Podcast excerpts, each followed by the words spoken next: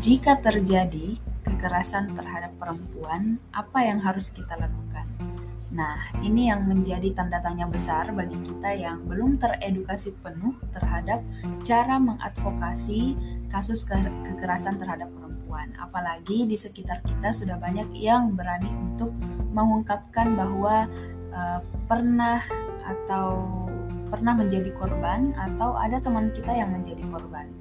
Nah, ini sebagai modal awal kita untuk uh, tahu bagaimana sih alur penanganan kasus ini dari landasan yuridis sampai eh, kasus-kasus uh, yang pernah ditangani oleh narasumber kita. Nah, alhamdulillah kita kedatangan narasumber dari uh, eh, LBH. Perkenalkan Kak Rizky Pratiwi, akrab disapa Kak Tuik uh, beliau alumni Universitas Hasanuddin Fakultas Hukum. Mari kita dengarkan saksama. Yang pertama, uh, sesi pertama kita akan mendengarkan tentang nilai advokasi, uh, ruang aman terhadap uh, perempuan. Selamat mendengarkan.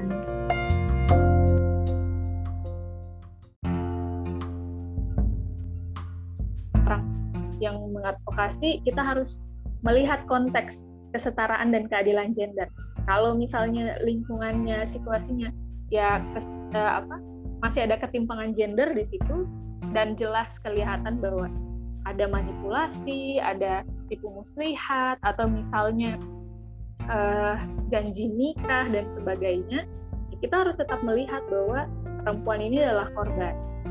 Itu kan sering terjadi dan sering datang ke kantor kami uh, korban-korban perempuan dimanipulasi uh, dijanji uh, nikah mungkin awalnya awalnya itu dilakukan pemerkosaan. Kemudian karena sudah merasa tidak utuh korbannya yang kedua ketiga dan seterusnya itu dieksploitasi lah karena uh, takut ditinggalkan. Itu sering terjadi di kasus-kasus uh, kekerasan dalam pacaran yang kami uh, temui. Nah agar tidak terjebak dalam uh, victim blaming harus kita terus mengingat bahwa uh, ada ketimpangan gender sehingga kalau kita meyakini kesetaraan dan keadilan gender maka kita tidak memilah. Nah kemudian selanjutnya adalah orientasinya pada korban. Uh, dalam artian ya kita tanya apa kebutuhannya dia, uh, apa yang uh, diinginkan dan kita diskusikan uh, bersama secara uh, demokratis uh, dan tidak menentukan uh, apa yang kita mau, uh, apa yang kita anggap uh, itu adil, dan juga prinsip keadilan restoratif. Jadi keadilan yang memulihkan. Jadi situasi yang terjadi pada korban itu sudah terjadi banyak dampak uh, kerugian. Kita coba melalui advokasi advokasi yang kita lakukan untuk melakukan pemulihan terhadap situasi-situasi itu. Jadi kalau misalkan di lingkungannya dia dikucilkan, kita coba dorong untuk lingkungan bisa menerima. Atau kita advokasi supaya uh, tidak ada lagi uh, apa stigma-stigma negatif. Atau misalnya kalau memang tidak tidak bisa eh, dibawa keluar dan uh, apa di, di dibawa keluar dulu dari lingkaran uh, yang toksik itu. Tentu setelah berdiskusi dengan uh, korban terlebih dahulu. Um, Nah, nilai-nilai itu tadi hak asasi manusia, kesetaraan gender, dan berorientasi pada korban serta keadilan yang memulihkan itu menjadi dasar kita melakukan advokasi uh, setelahnya. Jadi uh, agar kita tidak bingung di tengah jalan, eh, nilai-nilai uh, itu harus dipegang terus. Nah, kemudian uh, ketika ketemu uh, korban kekerasan seksual, kita harus bagaimana bagaimana caranya supaya kita bisa supportive uh, yang pertama tentu percaya percaya sepenuhnya apa yang dia ceritakan dengar dulu uh, tidak tidak uh, apa menjudge atau memberikan label tertentu. Dan uh, yakinkan bahwa uh, kita sebagai pendamping adalah ruang aman bagi korban untuk untuk bercerita dan menyampaikan apa uh, apa yang dia alami, apa yang menjadi concernnya dia. Karena uh, bercerita pada orang lain itu sudah menjadi uh, apa deal yang sangat besar bagi korban uh, karena keputusan untuk menceritakan itu uh, bisa jadi uh, dengan pertimbangan dia takut uh, disalahkan, dia takut di stigma, dia takut ya, itu dianggap apa aibnya tersebar dan sebagainya. Padahal bukan aib yang yang aib adalah pelaku yang melakukan kekerasan, tetapi uh, orang yang menjadi korban tentu uh, tidak boleh uh, tidak boleh merasa itu aib dan uh, memang untuk untuk keadilannya dia uh, sebaiknya bicara dan cerita pada orang lain. Nah, kemudian yang kedua uh, tetap tenang, beri ruang berekspresi. Korban-korban uh, bisa saja uh, menunjukkan berbagai ekspresi, menangis, teriak, uh, marah, uh, dan itu sangat sangat wajar terjadi. Uh, kemudian tanya apa keinginannya, uh, karena dalam kondisi uh, kekerasan terjadi terhadap perempuan, uh, sebenarnya kan uh, ruang ruang untuk menentukan pilihan uh, dia itu sedang di, diambil. Sehingga kita harus uh, memberikan kembali otoritas itu kepada kepada korban untuk memilih dan menentukan uh, mana yang menurutnya baik. Tapi tentu uh, dengan berdiskusi. Jadi kita bisa memberikan pandangan-pandangan kita bisa memberikan masukan-masukan yang menurut kita uh, baik untuk didengarkan oleh korban dan uh, dari dialog itu diharapkan bisa ada uh, jalan yang advokasi yang baik. Kemudian tawarkan bantuan, berikan alternatif penanganan yang benar-benar uh, korban butuhkan seperti akses layanan konseling, bantuan hukum maupun konsultasi atau pemeriksaan kesehatan. Nah, uh, ingat juga kalau korban itu memiliki latar belakang yang berbeda seperti umur, kondisi fisik dan mental, kondisi sosial ekonomi, sehingga uh, kebutuhannya bisa saja berbeda. Jadi paling tidak ditawarkan saja dulu opsi-opsi ini, kita tidak memaksakan, tapi dia bisa memikirkan dan memutuskan untuk uh, mengambil pilihan seperti apa.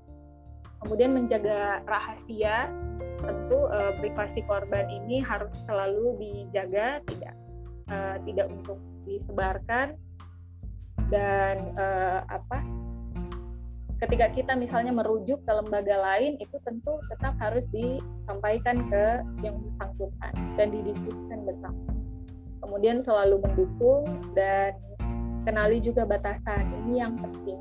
Uh, maksud saya di sini uh, advokasi kekerasan terhadap perempuan itu memang tidak bisa dilakukan sendiri. Uh, LBH pun tidak melakukannya sendiri, tapi juga dengan bantuan banyak pihak. Jadi ada uh, psikolog dari P2TP2A, ada juga polisi, ada uh, dokter, konselor dan lain-lain yang membantu dalam uh, pemulihan korban, mendorong keadilan korban dan uh, bahkan juga organisasi-organisasi perempuan yang mengadvokasi agar kasusnya bisa uh, berjalan, jurnalis dan semua pihak yang uh, diperlukan untuk terlibat. Uh, kenapa kita harus kenali batasan? Karena ketika kita melakukannya sendiri uh, sudah dipastikan ini uh, akan uh, membuat kita membuat energi sangat terkuras dan memang sulit sekali untuk menyelesaikannya sendiri uh, karena apa dampak yang dialami begitu besar dan kebutuhan-kebutuhan uh, itu kan kita tidak bisa provide semua. Jadi misalnya konseling, konseling kan punya misalnya konseling psikologis uh, ahli psikolog punya kapasitas untuk untuk menggali, uh, memilah pertanyaan, uh, kemudian menentukan tahapan-tahapan dan teknik-teknik lain untuk apa uh, membantu korban pulih. Sehingga tanggung jawab itu uh, besar uh, dan uh, apa beresiko untuk kita juga ketika itu diambil. Jadi uh, harus dibatasi juga uh, untuk tidak terlalu uh, apa uh, mengambil banyak peran dan masuk terlalu dalam dalam uh, apa uh, kondisi psikologis korban. Nah, kemudian pastikan juga kita mendapat dukungan tadi sama uh, kerjanya harus digaring, uh, kerjanya bersama dan ketika misalnya kita butuh uh, bantuan ahli, kita bisa merujuk ke orang-orang yang memiliki kapasitas untuk itu.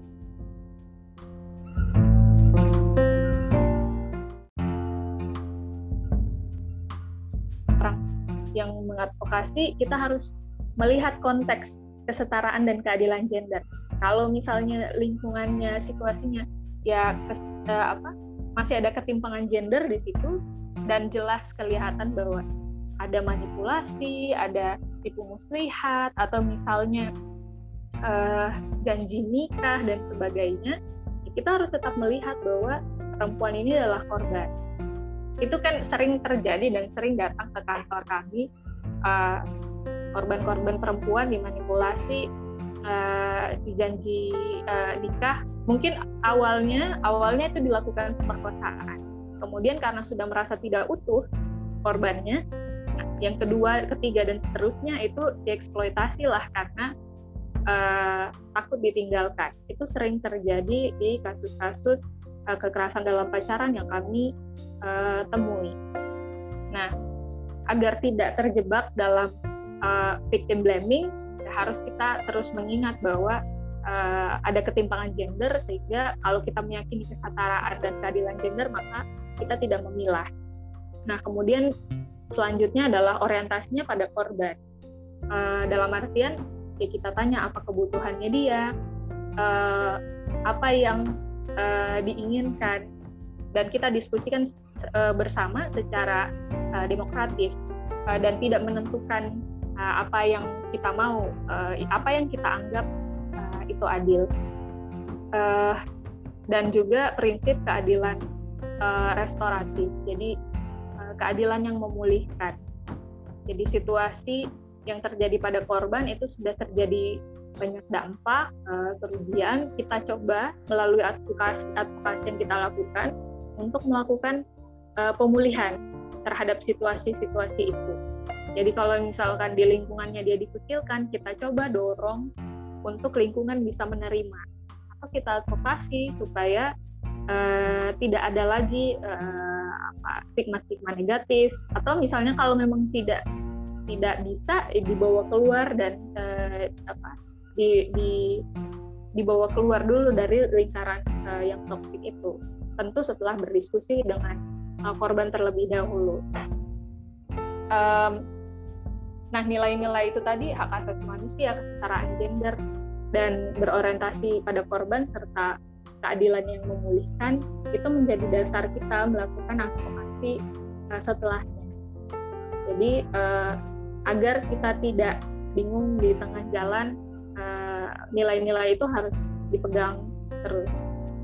Nah, kemudian uh, ketika ketemu uh, korban kekerasan seksual, kita harus bagaimana bagaimana caranya supaya kita bisa supportive uh, yang pertama tentu percaya percaya sepenuhnya apa yang dia ceritakan dengar dulu uh, tidak tidak uh, apa menjudge atau memberikan label tertentu dan uh, yakinkan bahwa uh, kita sebagai pendamping adalah ruang aman bagi korban untuk untuk bercerita dan menyampaikan apa uh, apa yang dia alami, apa yang menjadi concernnya dia.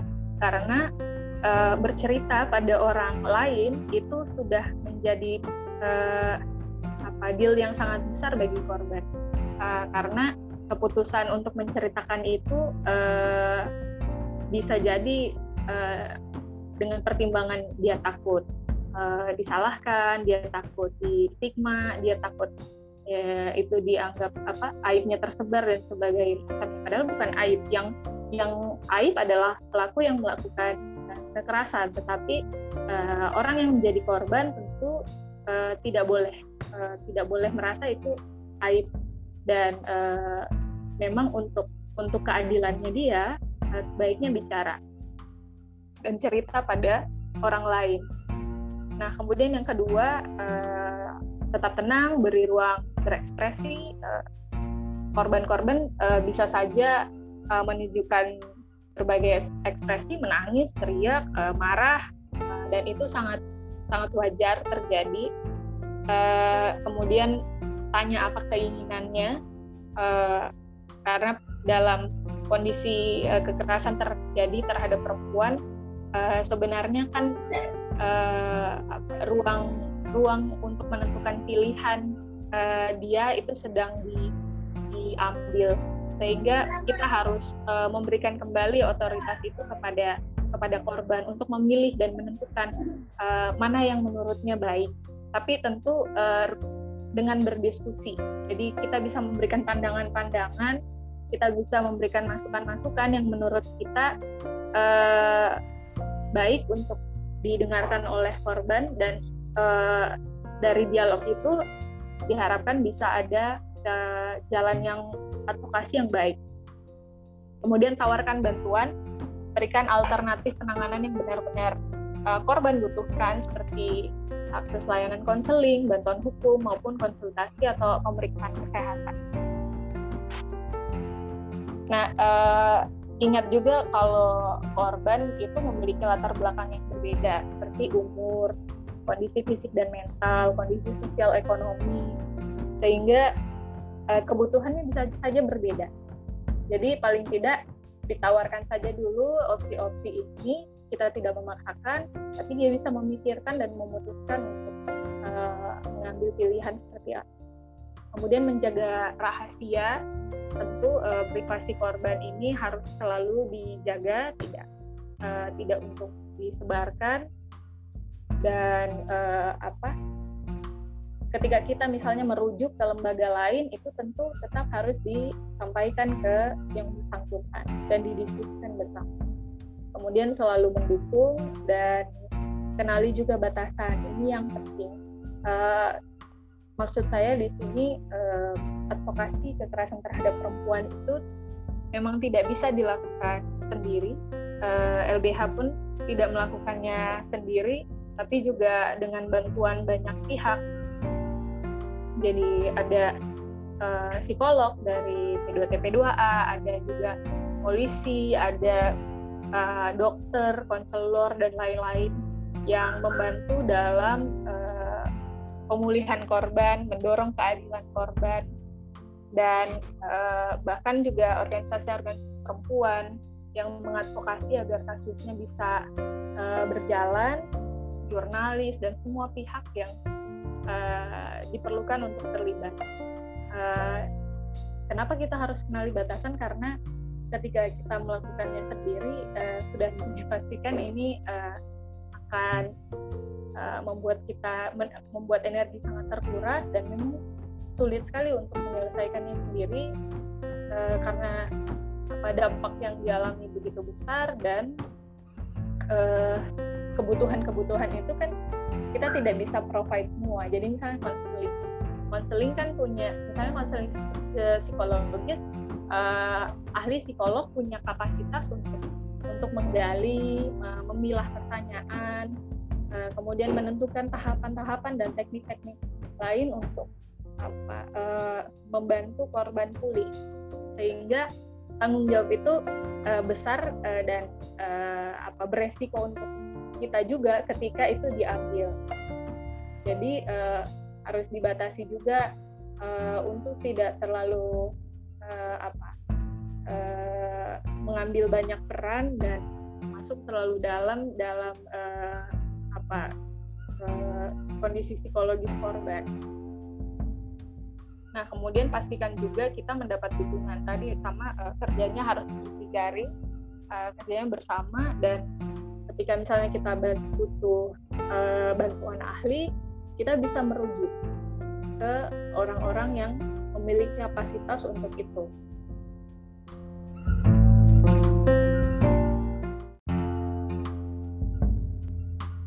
Perundang-undangan uh, ada KUH pidana yang uh, sebenarnya tidak spesifik uh, tentang mengatur tentang kekerasan terhadap perempuan tapi boleh boleh digunakan untuk uh, menjerat uh, tindak pidana perkosaan misalnya untuk uh, pelaku apa untuk korban yang perempuan dewasa uh, perbuatan cabul. Itu ada di KUHP kemudian untuk uh, KBGO yang saat ini kita punya. Jadi yang saya sebutkan ini adalah peraturan perundang-undangan yang saat ini kita punya. Tidak ideal tapi masih bisa digunakan uh, ada untuk KBGO ada undang-undang ITE uh, nomor 19 tahun 2019 uh, melarang perbuatan mendistribusikan dan atau mentransmisikan bla bla bla dokumen elektronik yang memiliki muatan melanggar kesusilaan. Jadi kalau misalnya kontennya adalah melanggar kesusilaan maka ini bisa dilaporkan. Kemudian ada beberapa pasal lagi di Undang-Undang ITE uh, eh, tentang akses uh, ilegal. Jadi misalnya peretasan ke akun pacar misalnya uh, itu bisa dilaporkan juga atau misalnya pengancaman mengancam itu juga bisa bisa dilaporkan kemudian di undang-undang penghapusan kekerasan dalam rumah tangga itu ada beberapa pasal tentang kekerasan fisik uh, kekerasan uh, eh apa emosional dan uh, kekerasan seksual, uh, kekerasan psikis, fisik dan seksual yang uh, apa? Yang korbannya adalah anggota dalam rumah tangga itu bisa dilaporkan. Jadi bisa istri, bisa anak, bisa uh, pekerja rumah tangga yang tinggal di dalam rumah itu bisa dilaporkan.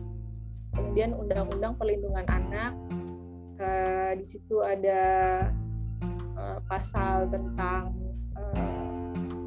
persetubuhan dan pencabulan terhadap anak, kemudian tindak pidana perdagangan orang, perempuan dan anak sering sekali rentan menjadi korban dari tindak pidana perdagangan orang. Di situ diatur secara secara uh, lengkap tentang uh, pasal pidana dan kemudian bagaimana uh, hukum acara atau tahapan dalam memproses uh, sebuah tindak pidana perdagangan orang.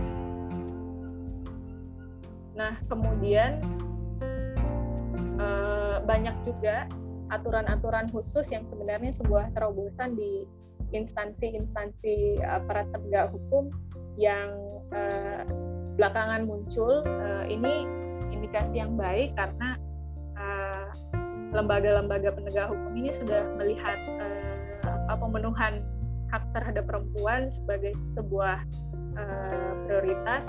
Jadi di uh, Mahkamah Agung itu sudah ada pedoman bagi hakim untuk mengadili perkara perempuan berhadapan dengan. Kemudian di uh, kejaksaan itu juga ada aturan tentang uh, akses keadilan terhadap perempuan berhadapan dengan hukum. Dan di kepolisian ada uh, peraturan Kapolri tentang uh, apa unit PPA dan juga peraturan Kapolri tentang uh,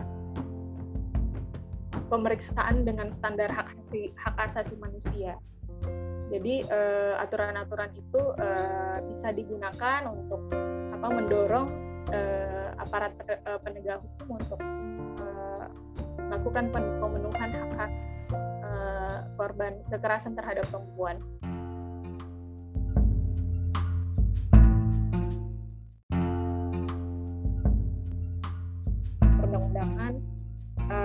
ada KUH pidana yang uh, sebenarnya tidak spesifik uh, tentang mengatur tentang kekerasan terhadap perempuan tapi boleh boleh digunakan untuk uh, menjerat uh, tindak pidana perkosaan misalnya untuk uh, pelaku apa untuk korban yang perempuan dewasa uh, perbuatan cabul itu ada di KUHP kemudian untuk uh, KBGO yang saat ini kita punya. Jadi yang saya sebutkan ini adalah uh, peraturan perundang-undangan yang saat ini kita punya. Tidak ideal tapi masih bisa digunakan. Uh, ada untuk KBGO ada Undang-Undang ITE uh, nomor 19 tahun 2019 uh, melarang perbuatan mendistribusikan dan atau mentransmisikan uh, bla bla bla dokumen elektronik yang memiliki muatan melanggar kesusilaan. Jadi kalau misalnya kontennya adalah melanggar kesusilaan, maka ini bisa dilaporkan. Kemudian ada beberapa pasal lagi di Undang-Undang ITE eh, tentang akses uh, ilegal. Jadi misalnya peretasan ke akun pacar misalnya uh, itu bisa dilaporkan juga atau misalnya pengancaman mengancam itu juga bisa bisa dilaporkan kemudian di undang-undang penghapusan kekerasan dalam rumah tangga itu ada beberapa pasal tentang kekerasan fisik eh, kekerasan eh, eh apa emosional dan eh, kekerasan seksual oh, kekerasan psikis fisik dan seksual yang eh, apa yang korbannya adalah anggota dalam rumah tangga itu bisa dilaporkan jadi bisa istri, bisa anak, bisa uh, pekerja rumah tangga yang tinggal di dalam rumah itu bisa dilaporkan. Kemudian undang-undang perlindungan anak uh, di situ ada uh, pasal tentang uh, persetubuhan dan pencabulan terhadap anak. Kemudian tindak pidana perdagangan orang, perempuan dan anak sering sekali rentan menjadi korban dari tindak pidana perdagangan orang di situ diatur secara secara uh, lengkap tentang uh, pasal pidana dan kemudian bagaimana uh, hukum acara atau tahapan dalam memproses uh, sebuah tindak pidana perdagangan orang.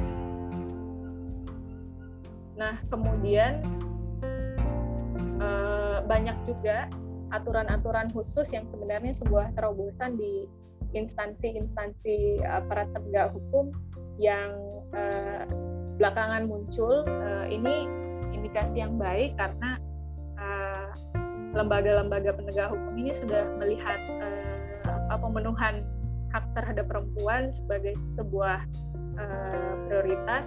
Jadi di uh, Mahkamah Agung itu sudah ada pedoman bagi hakim untuk mengadili perkara perempuan berhadapan dengan kemudian di uh, kejaksaan itu juga ada aturan tentang uh, akses keadilan terhadap perempuan berhadapan dengan hukum dan di kepolisian ada uh, peraturan Kapolri tentang uh, apa unit PPA dan juga peraturan Kapolri tentang uh,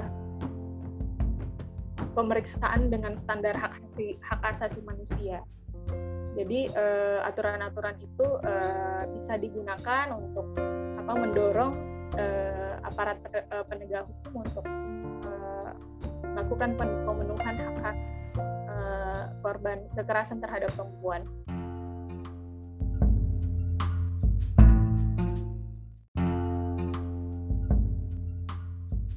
ketika misalnya ada teman yang datang ke teman-teman untuk menceritakan kasus-kasus uh, apa kekerasan ter, uh, KDRT terhadap dia yang dia alami pada teman-teman. Baiknya uh, dengarkan dulu uh, apa yang dia sampaikan uh, kemudian bisa uh, untuk pertama mungkin jadi tempat cerita saja dulu dan uh, memastikan bahwa uh, dia dalam kondisi yang aman dia dalam kondisi yang tidak uh, terancam jiwanya, keselamatan. Ketika misalnya dia dalam kondisi yang uh, tidak aman, terancam keselamatan, itu uh, sudah indikasi bahwa dia harus memang keluar dari uh, lingkungan tersebut, uh, mendapat tempat yang kalau misalnya uh, suaminya KDRT fisik, uh, maka mungkin untuk uh, ini memang uh, di, diberikan ruang aman dulu tempat yang aman dulu. Uh, kalau misalkan masih uh, kekeras KDRT psikis nah ini mungkin bisa uh, didiskusikan dulu sama dia tentang bagaimana kondisinya dan uh, apa yang dia butuhkan. Apakah yang dia butuhkan adalah uh, membuat laporan atau seperti apa gitu. Jadi uh, tidak selalu uh, eh, KDRT itu uh, kita laporkan. Apalagi banyak uh, istri yang masih tergantung uh, dengan apa punya banyak pertimbangan. Misalnya ada anak uh, kemudian juga masih tergantung secara ekonomi dan sebagainya. Nah itu juga harus menjadi pertimbangan dan uh, kalau misalkan masih bisa apa masih bisa uh, situasinya tidak tidak genting seperti mengalami kekerasan uh, secara fisik maka bisa kita rujuk ke apa uh, konselor atau konselor uh, pernikahan atau misalnya psikolog untuk uh, bisa mendapatkan uh, apa konseling uh, agar misalnya tidak ada beban-beban atau uh, kondisi psikis yang yang uh, berdampak uh, negatif ke korban juga. Nah kalau misalkan uh, apa KDRT fisik maka uh, tentu di visum kalau buktinya dibawa ke, uh, ke rumah sakit untuk dilakukan visum dan uh, ke kantor polisi. Jadi bisa ke rumah sakit dulu uh, untuk mengambil visum, nanti dikomunikasikan bahwa uh, visum itu akan diambil uh, oleh polisi. Jadi surat visum kalau misalnya kita melakukan visum di rumah sakit itu tidak surat hasil visum itu tidak diambil. Jadi nanti yang berhak mengambil uh, polisi. Nah, nanti ketika ketika kita sudah membuat laporan polisi, polisi yang akan uh, berkoordinasi dengan uh, dokter untuk mengambil surat visum sebagai alat bukti. Nah, kemudian uh, alat bukti yang lain itu saksi-saksi, keterangan saksi yang ada di uh, tempat kejadian atau keterangan yang bisa menjadi petunjuk uh, bahwa uh, KDRT itu terjadi. Jadi misalnya bisa uh, apa uh, keterangan tetangga yang uh, menjelaskan kalau ada mendengar suara atau apa dan sebagainya atau melihat memar uh, itu juga bisa jadi petunjuk. Atau misalnya ada uh, foto atau screenshot percakapan itu juga bisa menjadi petunjuk.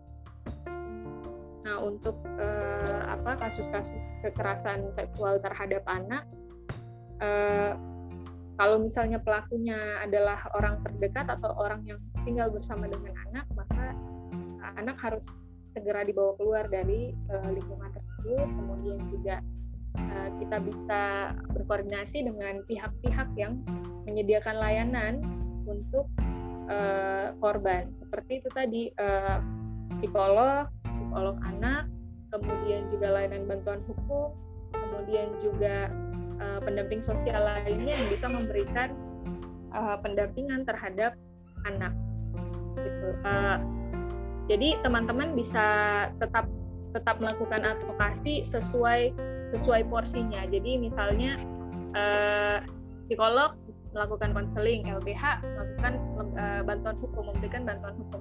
Teman-teman bisa uh, dalam kapasitasnya misalnya uh, meminta informasi uh, ke LBH, berkoordinasi, membantu berkoordinasi dengan psikolog, LBH, uh, dan memberikan dukungan moral kepada korban sebagai orang yang pertama uh, ditempati cerita. Jadi uh, apa advokasi itu dilakukan saja sesuai uh, kapasitasnya teman-teman uh, agar tidak uh, burn out juga uh, dalam pendampingan itu.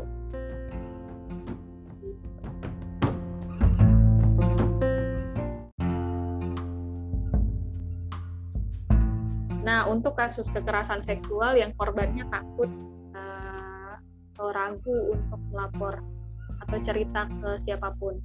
Uh, sebenarnya itu hal yang wajar, uh, lumrah sekali untuk korban takut melapor ke polisi, takut membicarakan hal ini ter, uh, kepada orang lain itu hal yang lumrah, uh, sehingga memang uh, ada korban yang satu dua tahun baru bisa cerita, ada korban yang uh, setelah sekian lama baru melapor ke polisi dan itu uh, tidak apa-apa karena uh, yang yang menghadapi uh, pertimbangan-pertimbangan lapor tidak atau beban ketakutan-ketakutan dan keraguan itu adalah korban dan uh, dia yang merasakan betul beban itu.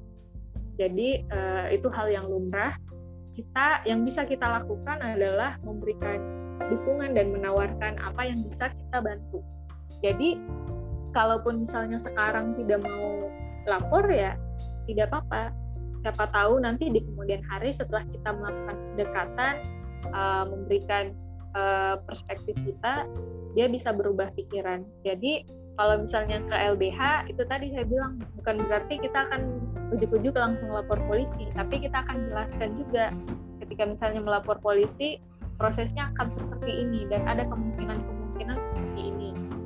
Jadi korban bisa memutuskan mau melapor atau tidak. Kalaupun tidak mau melapor, kita bisa memberikan rujukan ke lembaga-lembaga jaringan-jaringan yang dibutuhkan bisa jadi dibutuhkan oleh korban apalagi kekerasan seksual misalnya ada luka fisik itu bisa konsultasi dulu ke dokter atau konselor uh, untuk kesehatan reproduksi atau uh, eh, KTD itu uh, penting untuk diberitahukan ke korban siapa tahu uh, apa dia tertular atau misalnya ada kehamilan dan lain-lain itu bisa diantisipasi uh, segera di awal. Jadi bukan belakangan baru tahuan. Nah kemudian um, bisa juga dirujuk ke apa uh, psikolog. Tadi lagi-lagi kalau misalnya korban kekerasan seksual dia sudah cukup berani untuk cerita ke orang lain ya dia tentu terbebani dan butuh pertolongan ahli untuk bisa memulihkan keadaan. Jadi sebagai seorang uh, yang mendampingi dia sebagai teman yang menemukan kasus seperti ini, kita bisa membantu menemani psikolog atau mengingatkan uh, apa uh, pentingnya konseling dan sebagainya itu bisa dilakukan. Nah, kemudian jika keluarga uh, misalnya memilih untuk menikahkan, nah ini berbahaya dan uh, harus dihindari sebenarnya karena uh, tidak ada yang bisa diharapkan dari perkawinan yang uh, yang orang yang di yang kita nikahi ini yang kita kita nikahi itu uh, sejak awal sudah sudah merasa punya punya kebebasan untuk melakukan kekerasan terhadap kita. Bukan siapa-siapa saja dia sudah melakukan kekerasan apalagi sudah jadi istri. Gitu. jadi berbahaya sebenarnya kalau misalnya korban dinikahkan dengan pelaku karena ya orang asing saja dia berani beraninya memperkosa. Gimana kalau jadi istri? Ya uh, yang yang harus malu seharusnya pelaku bukan kita. Kenapa kita harus menanggung sesuatu uh, yang yang orang lain lakukan terhadap kita? Kejahatan yang dilakukan orang lain terhadap kita. Makanya uh, keluarga korban juga harus mendapatkan ini uh, pendekatan harus diedukasi bahwa hal ini bisa berbahaya bagi korban. Kalau memang sayang sama anaknya harusnya ini dihindari menikahkan korban dengan pelaku. Karena uh, itu tadi uh, bisa berpotensi menimbulkan kekerasan-kekerasan lain dalam perkawinan, melanggengkan uh, kekerasan yang dilakukan pelaku terhadap korban.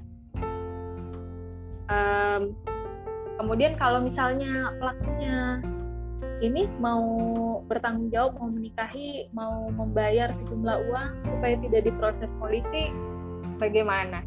Nah, uh, sering kali memang ada korban atau keluarga korban yang uh, setuju uh, dengan uh, damai seperti ini. Jadi nikahi atau bayar dengan uang. Uh, ini sebenarnya uh, balik lagi ke nilai-nilai yang tadi. Kalau misalnya kita meyakini uh, kesetaraan dan keadilan gender, uh, seharusnya kita tidak melanggengkan lagi uh, cara-cara seperti ini yang menganggap perempuan sebagai objek saja. Jadi kalau misalkan uh, apa uh, sudah sudah diperkosa, tinggal membayar jumlah uang atau misalnya memberikan kompensasi supaya tidak mendapatkan hukuman. Sementara ada sistem yang diciptakan untuk uh, memberikan uh, apa me me memberikan situasi uh, pemulihan uh, memberikan pemulihan terhadap situasi uh, kejahatan uh, yang uh, situasi situasi kejahatan ketika misalnya kekerasan terhadap perempuan terjadi itu kan ada sistemnya untuk memulihkan itu. Ada proses yang semestinya dilalui oleh oleh pelaku.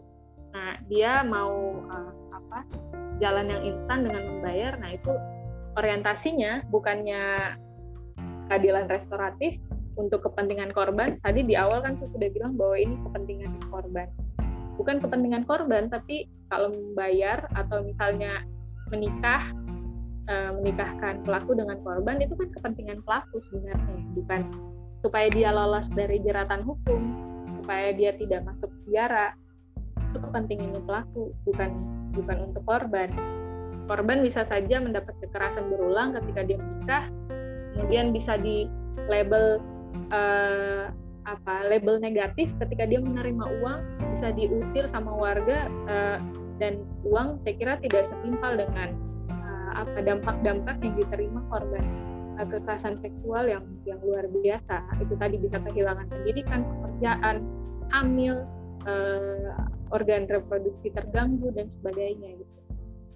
Jadi tidak setimpal. Maka maka harus ada sistem memang yang dilalui uh, ketika tindak pidana seperti ini terjadi. Makanya meskipun misalnya di LBH juga kami pernah menemui kasus-kasus seperti itu korbannya uh, mau berdamai dengan pelaku, uh, kami selalu uh, mengedukasi, memberikan uh, pendekatan ke orang tua, keluarga, dan korban agar uh, tidak memilih jalan.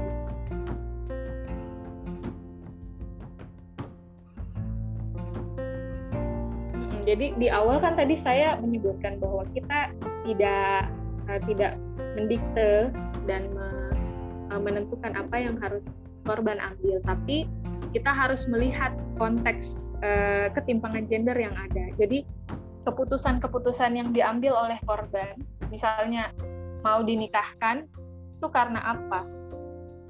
Jadi korban mau dinikahkan ya karena dia uh, takut di label, uh, takut uh, apa?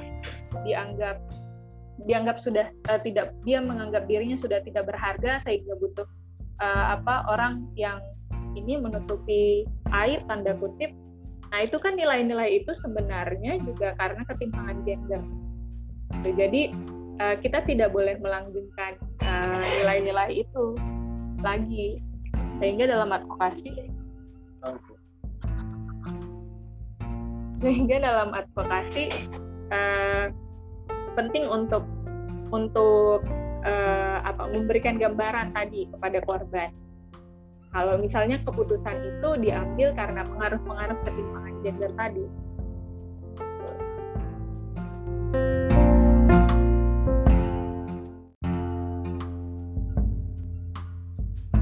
Ya sering sekali memang uh, media justru jadi uh, corong untuk melanggengkan stereotip terhadap perempuan. Jadi uh, kalau misalkan ah ini ada contoh yang bagus waktu kayaknya dulu itu ada berita uh, seorang perempuan diceraikan oleh suami karena uh, selangkangannya hitam.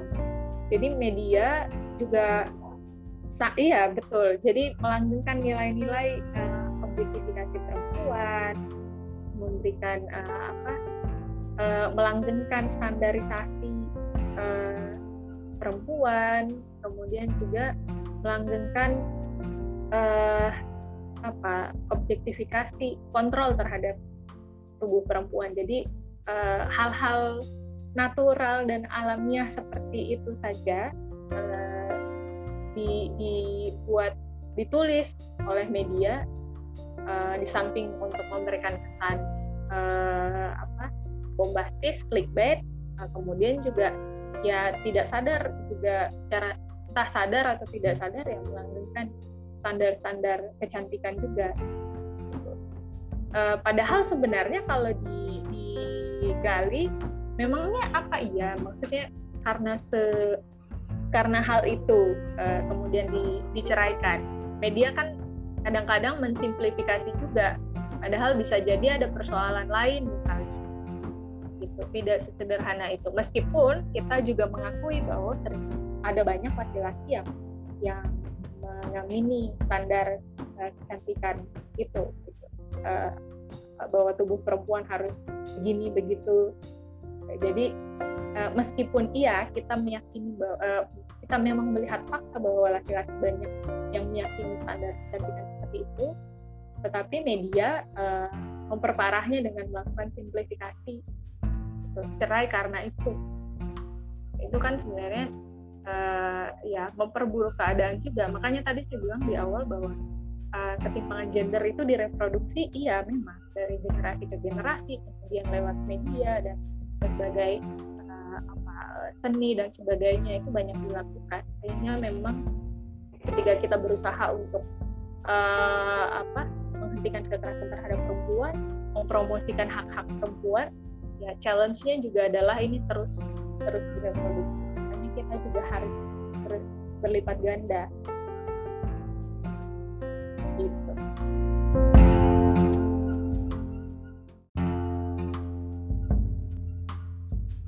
Ya sering sekali memang uh, media justru jadi uh, corong untuk melanggengkan stereotip terhadap perempuan. Jadi uh, kalau misalkan ah ini ada contoh yang bagus waktu kayaknya dulu itu ada berita uh, seorang perempuan diceraikan oleh suami karena uh, selangkangannya hitam.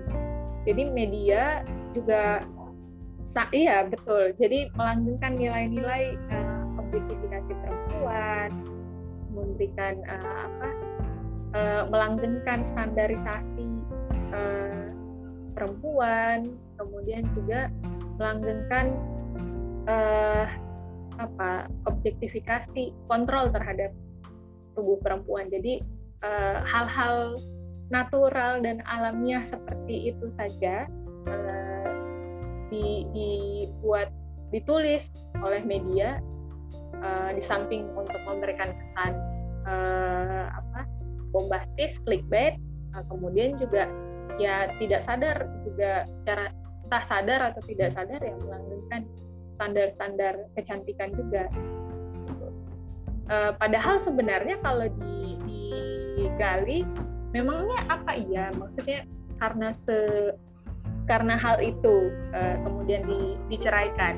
Media kan kadang-kadang mensimplifikasi juga, padahal bisa jadi ada persoalan lain misalnya gitu tidak sesederhana itu meskipun kita juga mengakui bahwa sering ada banyak laki-laki yang yang mengamini standar uh, kecantikan itu gitu. uh, bahwa tubuh perempuan harus begini begitu. Jadi uh, meskipun iya kita meyakini bahwa uh, kita memang melihat fakta bahwa laki-laki banyak yang meyakini standar kecantikan seperti itu tetapi media uh, memperparahnya dengan melakukan simplifikasi gitu. Cerai karena itu. Itu kan sebenarnya uh, ya memperburuk keadaan juga. Makanya tadi saya bilang di awal bahwa uh, ketimpangan gender itu direproduksi iya memang dari generasi ke generasi kemudian lewat media dan berbagai uh, apa seni dan sebagainya itu banyak dilakukan. Sehingga memang ketika kita berusaha untuk uh, apa menghentikan kekerasan terhadap perempuan mempromosikan hak-hak perempuan ya challenge-nya juga adalah ini terus terus makanya kita juga harus berlipat ganda. Gitu